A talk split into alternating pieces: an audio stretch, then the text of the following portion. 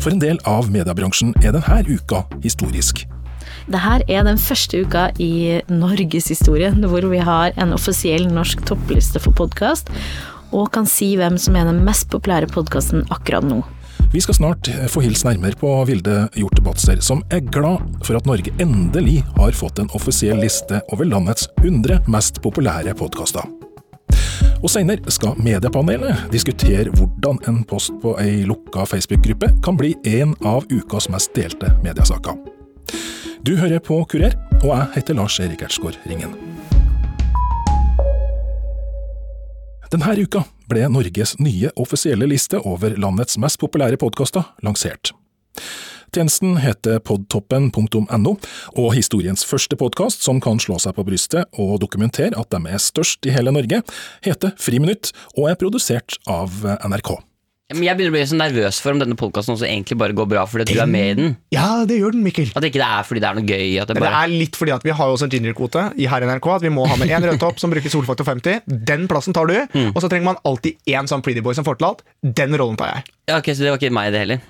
Nei, jeg sa til deg innledningsvis at du er gingerkvoten. Jeg trodde kanskje det var begge deler. Men det skal jo da sies at du har Mikkel Grunn, eh, som visstnok går jævlig bra. Gjør det det? Ja, det går kjempebra. Du har jo ikke sosiale medier, så jeg følger jo med på alt. Og du får også veldig mye skryt. Overraskende mye skryt av faren min. Det irriterer meg litt. Åh, Og Friminutt, som vi hørte en liten eh, bit av her, ble ganske suverent størst, med 360 000 nedlastinger på ei uke. Godt over 100 000 flere enn nummer to på lista.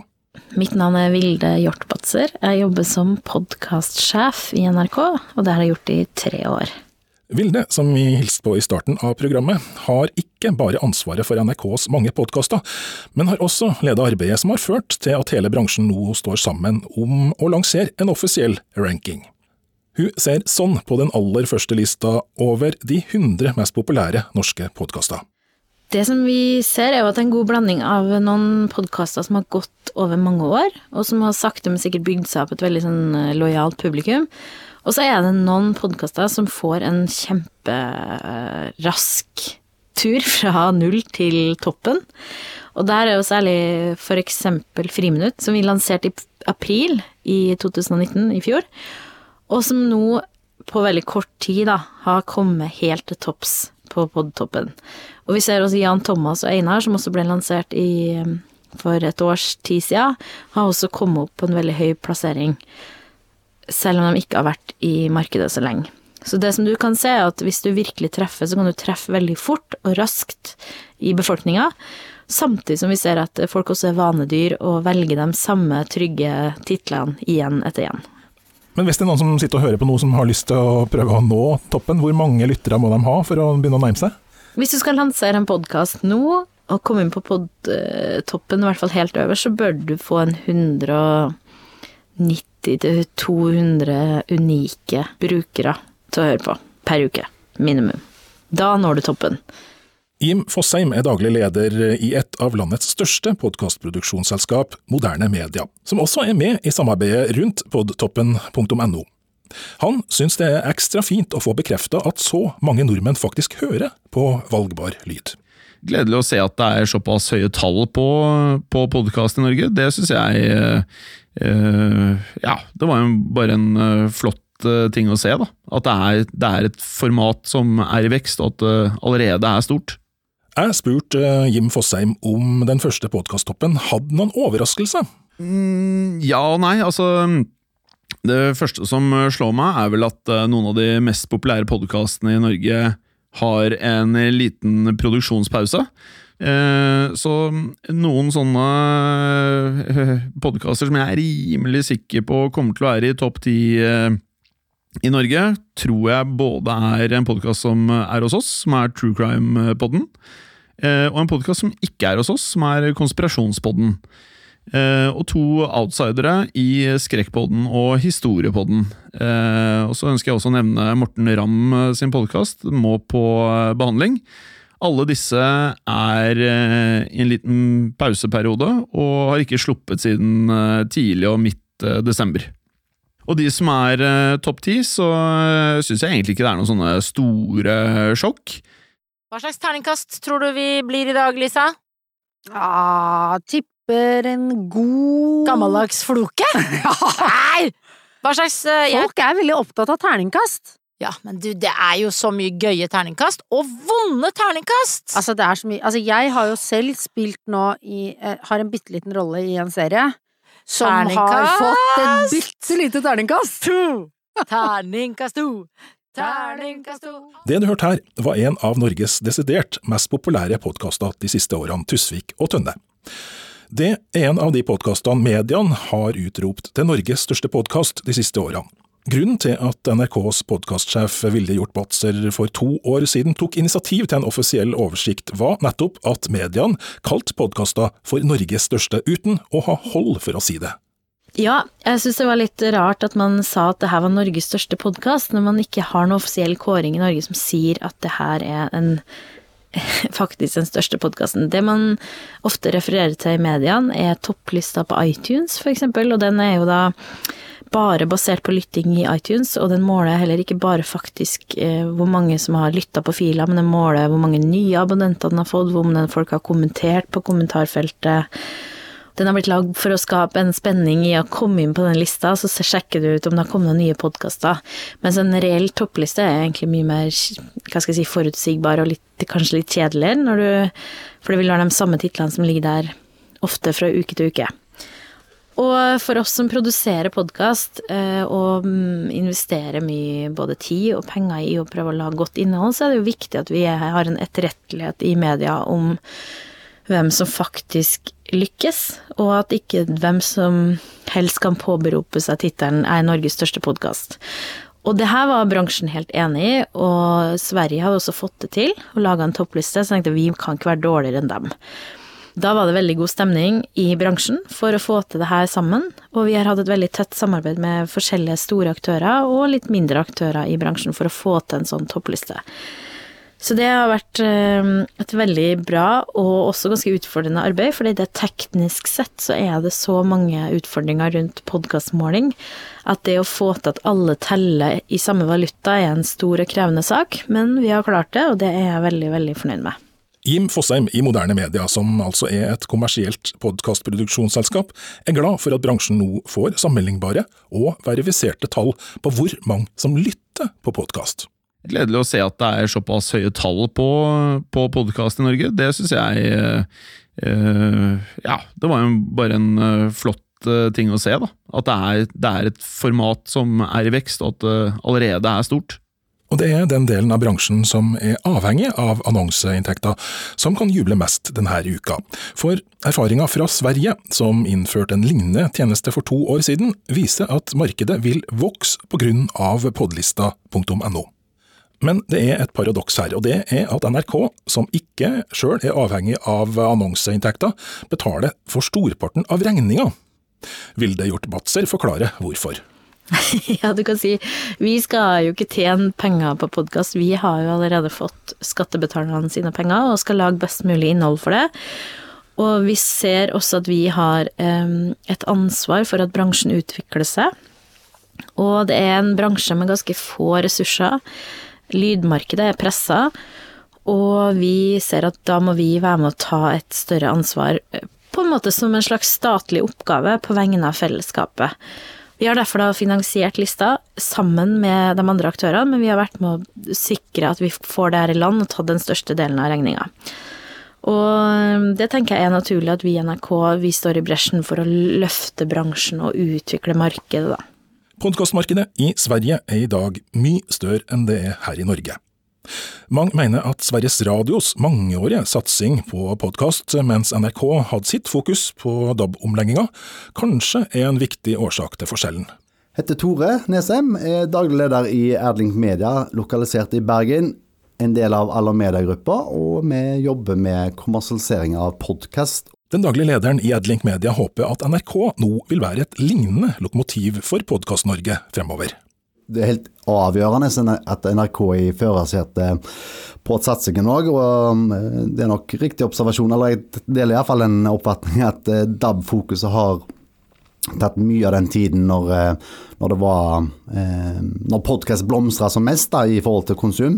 Eh, men nå eh, nå tror jeg at det blir eh, både avgjørende og viktig at NRK har den fokusen de har. De, eh, de har en eh, gjennom, gjennom måten de er bygd opp på, har et bra tilbud til, til folket. Så det er sikkert på godt og vondt det når du er en kommersiell aktør. Men det at NRK er så stor og dyktig, ikke minst, det tenker jeg er positivt for alle andre også. fordi kvalitet avler kvalitet, og at det skjerpes både på produksjoner og måten en jobber på. Det tenker jeg bare positivt for podkastbransjen, for å bruke det uttrykket. Men hvordan står det egentlig til med den kommersielle podkasten i Norge? Ja, det er et spørsmål vi alle lurer mye på. Nå kom det jo en rapport som gikk, men det gikk på influencer marketing på 240 eh, millioner eh, i Norge i året. så Eh, vi estimerer vel kanskje at eh, podkast i året som gikk, eh, omsatte på ja, 20 millioner pluss totalt. Eh, men eh, har vel en ambisjon om at nå eh, veldig snart så bør det definitivt komme opp i 50 millioner rimelig raskt med tanke på mediekonsumet og tilstedeværelsen av lyttere. Jeg elsker å gå kommando. Det er så deilig. Da henger det og slenger det. Men jeg gikk kommando i de buksene her, og da kom den ut. En, en, dag så satt jeg sånn som dette, og plutselig så var det, tittet den ut i deg. Sånn. Ja, men er det fordi du har glemt å knappe bukseknappen? Nei, fordi jeg har masse hull. Jeg har liksom ja, Du har så hull. ferdig høla bukser, du. Ja. det hadde de i Syden, det var mange som hadde det i Syden òg, men det var liksom ikke på en måte med samme finesse som de du har. det du hører her er Norges nest mest populære podkast akkurat nå. Jan Thomas og Einar blir venner, som hadde rundt 215 000 nedlastinger sist uke. NRKs podkastsjef Vilde Hjort Batzer tror den nye podkastlista vil påvirke kvaliteten på norske podkaster etter hvert. Jeg tror denne her lista kan være med å ta bransjen til et litt nytt nivå i forhold til profesjonalitet, i forhold til at vi har en større troverdighet når vi snakker om podkastene våre, hvem som gjør det bra, hvilket innhold som treffer. Det vil også være lettere for annonsører og mediebyråer å plukke hvilke podkaster de skal putte pengene sine i, for dem som driver med reklame. Og så vil det vel også være sånn at det vil utkrystallisere seg et litt vanskeligere nåløye for å komme opp i toppen. Og vi i NRK opplever at podkast er en veldig vanskelig ting å lykkes med. Det er ikke sånn at vi, du bare Eller vi mener i hvert fall at du De færreste kan bare sette seg i studio og prate, og så lykkes du kjempegodt med det. Det er noe du må jobbe veldig hardt for å komme til toppen med. Og vi ser jo at det er enormt mange som lager podkast, og jeg tror kanskje at det, gjennom den topplista så kan det jo også være noen som mister motivasjonen til å holde på med det framover. At det blir en kanskje en proffere og mer spissa bransje, men også færre av amatørene. Men nå har vi jo hele tida snakka om folk som lager podkast. Hva med dem som bruker podkast? Hva betyr denne lista for dem? Ja, for dem så vil det også være en guide til det innholdet som er mest populært. Og så kan de også gå inn på kategori og finne f.eks. få nye tips til nye humorpodkaster. Det vil jo gi en oversikt over hele det norske markedet. Så har du lyst til å høre norske podkaster, så vil du få en veldig fin inngang i et univers som kanskje rydder litt at du ikke får med alt fra alle amerikanske, engelske, andre podkaster som du får i andre, andre, tjenester. Så du vil jo få en veldig god oversikt, da. Og få tips til nye ting å høre på. Men vil også podlista påvirke innholdet i norske podkaster? Det kan godt være at eh, de som produserer innhold, hvis jeg styrer etter den topplista, og da vil de jo da kanskje legge veldig vekt på underholdning og humor, fordi det er, vi vet at det er veldig populært. Så det kan jo kanskje gjøre at folk er litt mindre modige jeg håper ikke det. Men jeg håper jo også at, ut, at folk har lyst til å utfordre sjangrene, da. Og at vi får mer av det bra dokumentarinnholdet og andre typer podkaster som ikke bare er lettbeint underholdning, da, kan du si. Med folk som prater Altså kjente folk som prater om sine liv og sitt, eh, sitt univers. Tore Nesheim tror den nye lista kan føre til at vi får flere dyre produksjoner, fordi det blir lettere å forsvare store investeringer. Om du er NRK som har eh, mye penger, eller om du er en kommersiell aktør, du skal forsvare investeringer av det du produserer. Det er ganske greit å vite hvor mange du faktisk når ut til. Eh, så du kan både forsvare investeringen og eh, tenke i et lengre perspektiv når du bygger videre en satsing. I moderne media forteller Jon Fosheim at han ikke tror topplista vil påvirke hva de velger å satse på i den nærmeste framtida. Vi kommer til å gjøre akkurat det samme som vi har gjort tidligere, og fortsatt eh, holde oss til de strategiene vi har lagt eh, internt, og hva vi selv ønsker å være med å produsere fremover. Men det er klart at eh, for at vi skal eksistere og fortsette å eksistere, så er det viktig med lyttertall, og podkaster som annonsørene er interessert i å bruke penger på. Men man får ikke et ordentlig inntrykk av hvordan listen fungerer før det har gått litt tid. Så nå er den jo akkurat lansert, og det er mange som uh, retter fokus mot listen, hvor, hvor, høyt man er oppe på listen, hvor høyt er favorittpodkasten min på listen. Men jeg tror at uh, det, er, um, det, er, enda mer fruktbart å stille alle disse spørsmålene kanskje om tre til seks måneder, når man da faktisk uh, får litt erfaring med hvordan annonsørene kommer til å bruke listene.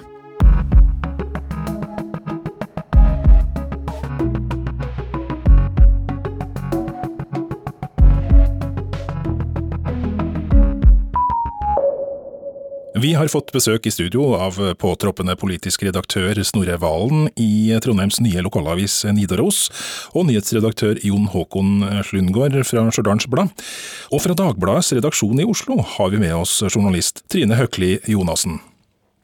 Utgangspunktet for det vi skal snakke om i mediepanelet i dag, er sammenslåinga av Horningdal og Volda kommuner på Sunnmøre, som nå heter Nye Volda kommune.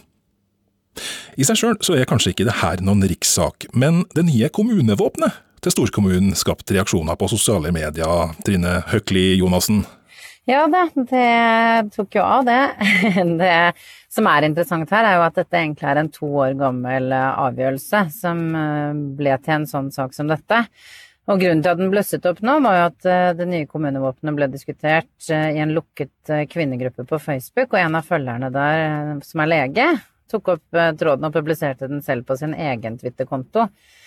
Og hun har ikke i utgangspunktet så mange følgere, men eh, noen eh, felles følgere, samt at hun da ja, delte den, som gjorde at dette ble spredt på et vis, og vi snappet den opp.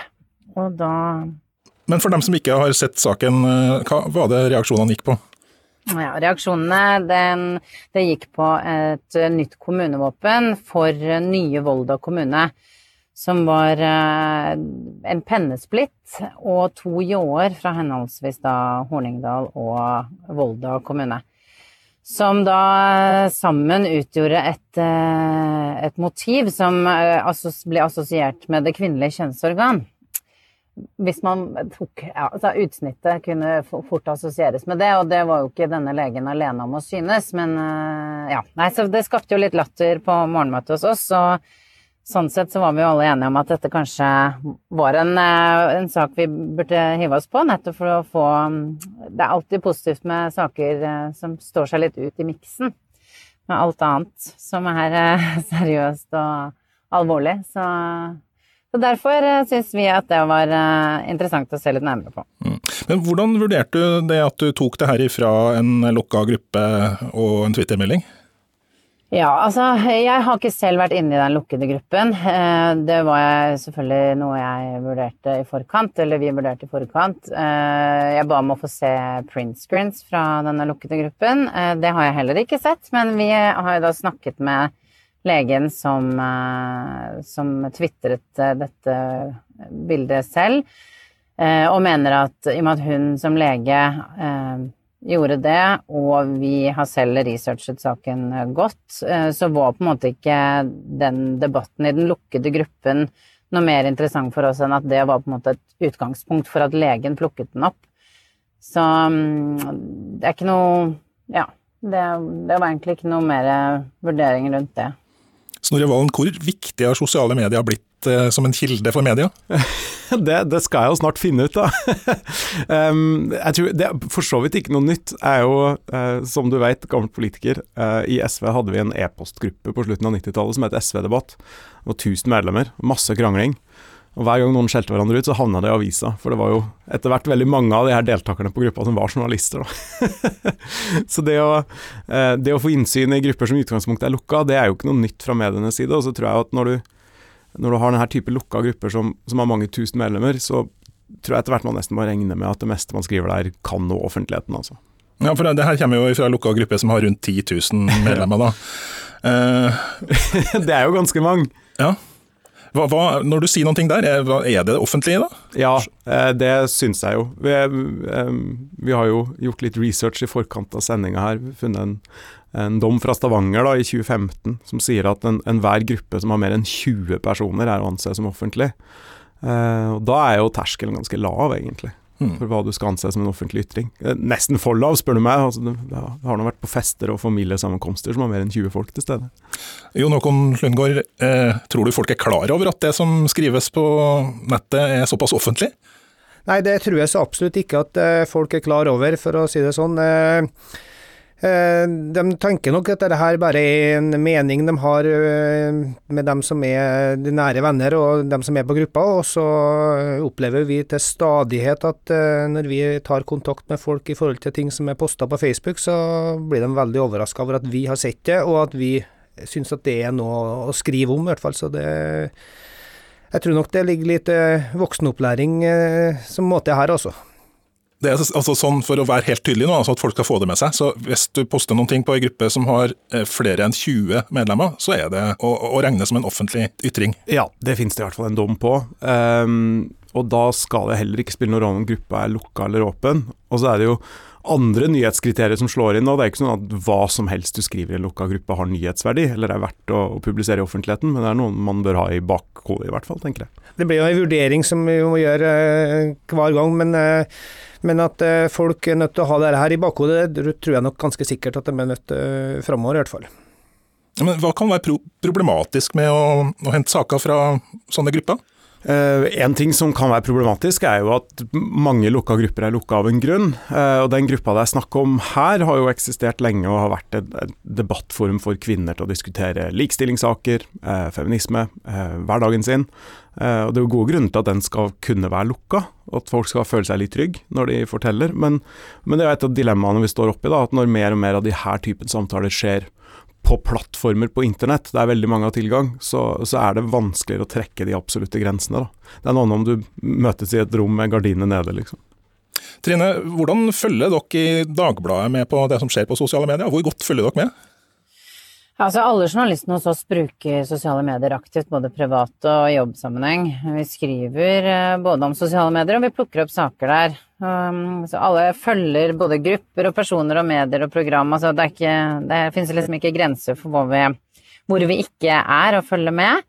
Og, og, bruker det aktivt både til sø, altså søk av uh, kilder. Eh, eksempelvis en sak jeg har gjort nå, som kommer uh, på lørdag. eh, og som er akkurat en sånn Hvor vi har rett og slett annonsert, eller ønsket oss flere deltakere til en studie som vi hadde behov for. Og da, da, søker vi etter det på sosiale medier og i ulike grupper. Og finner også masse gode saker der.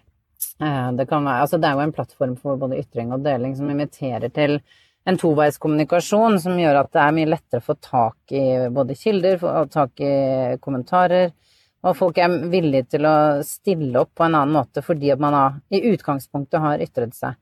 Så det gir jo også en mulighet da, til å følge store nyhetshendelser også fra andre vinkler, sånn at avstanden til både gode bilder og rapporter er jo mye kortere nå enn, enn det har vært eh, tidligere. Men hvis det folk ikke er helt klar over at det de sier på sosiale medier er offentlig. Burde ikke journalister ta hensyn til det? Det kan du jo si, men jeg føler jo at vi tar hensyn til det. Eh, vi eh, er ganske restriktive i forhold til eh, altså det å publisere navn uten å ha snakket med personene som har ytret seg. Det, det kan jeg jo ikke si at jeg kan huske at det har forekommet, så vi tar jo alltid kontakt med disse personene. og det er jo det, ja, når vi forklarer eh, hvordan vi har tenkt å bruke det, og hvorfor vedkommende har ytret seg. Det finnes jo utallige muligheter, eh, og jeg føler vi håndterer det helt riktig. Jon Håkon, hva, hva, hva kan være problematisk med å hente saker fra sosiale medier? Det kan være litt forskjellig. Det kan være sensitive ting, så klart, som ikke bør deles. Det kan være være vedkommende som, eh, som ytrer seg, som kanskje skal eh, beskyttes på en eller annen måte, men eh, Sånn som hun i Dagbladet sier her nå, så tror jeg det er viktig at du, at du oppnår kontakt med folk og, og, forklarer hvorfor du vil bruke det som de ytrer seg. Så tror jeg at i stort sett så går det veldig bra, og vi finner løsning på, på akkurat den biten der. Snorre Valen, en litt artig bieffekt av at eh, journalister følger med på hva som skjer på sosiale medier, det er at det enkelte grupper er det veldig mye journalister. Det har jeg òg en følelse av, altså. Og spesielt det der sånn eh, litt mer politisk ytterliggående grupper og sånn, der tror jeg jo journalistdekninga er høy. Eh, en og annen gang så vil nok også få noen grupper der journalistene etter hvert er i flertall. Så journalistene følger med. Takk for at dere var med i mediepanelet i Kurer. Påtroppende politisk redaktør i Nidaros, Snorre Valen. Nyhetsredaktør Jon Håkon Slundgaard fra Stjørdals Blad. Og Trine Høkli Jonassen fra Dagbladet. Jeg heter Lars Erik Ertsgaard Ringen, og du har hørt på Kurer her på NRK P2.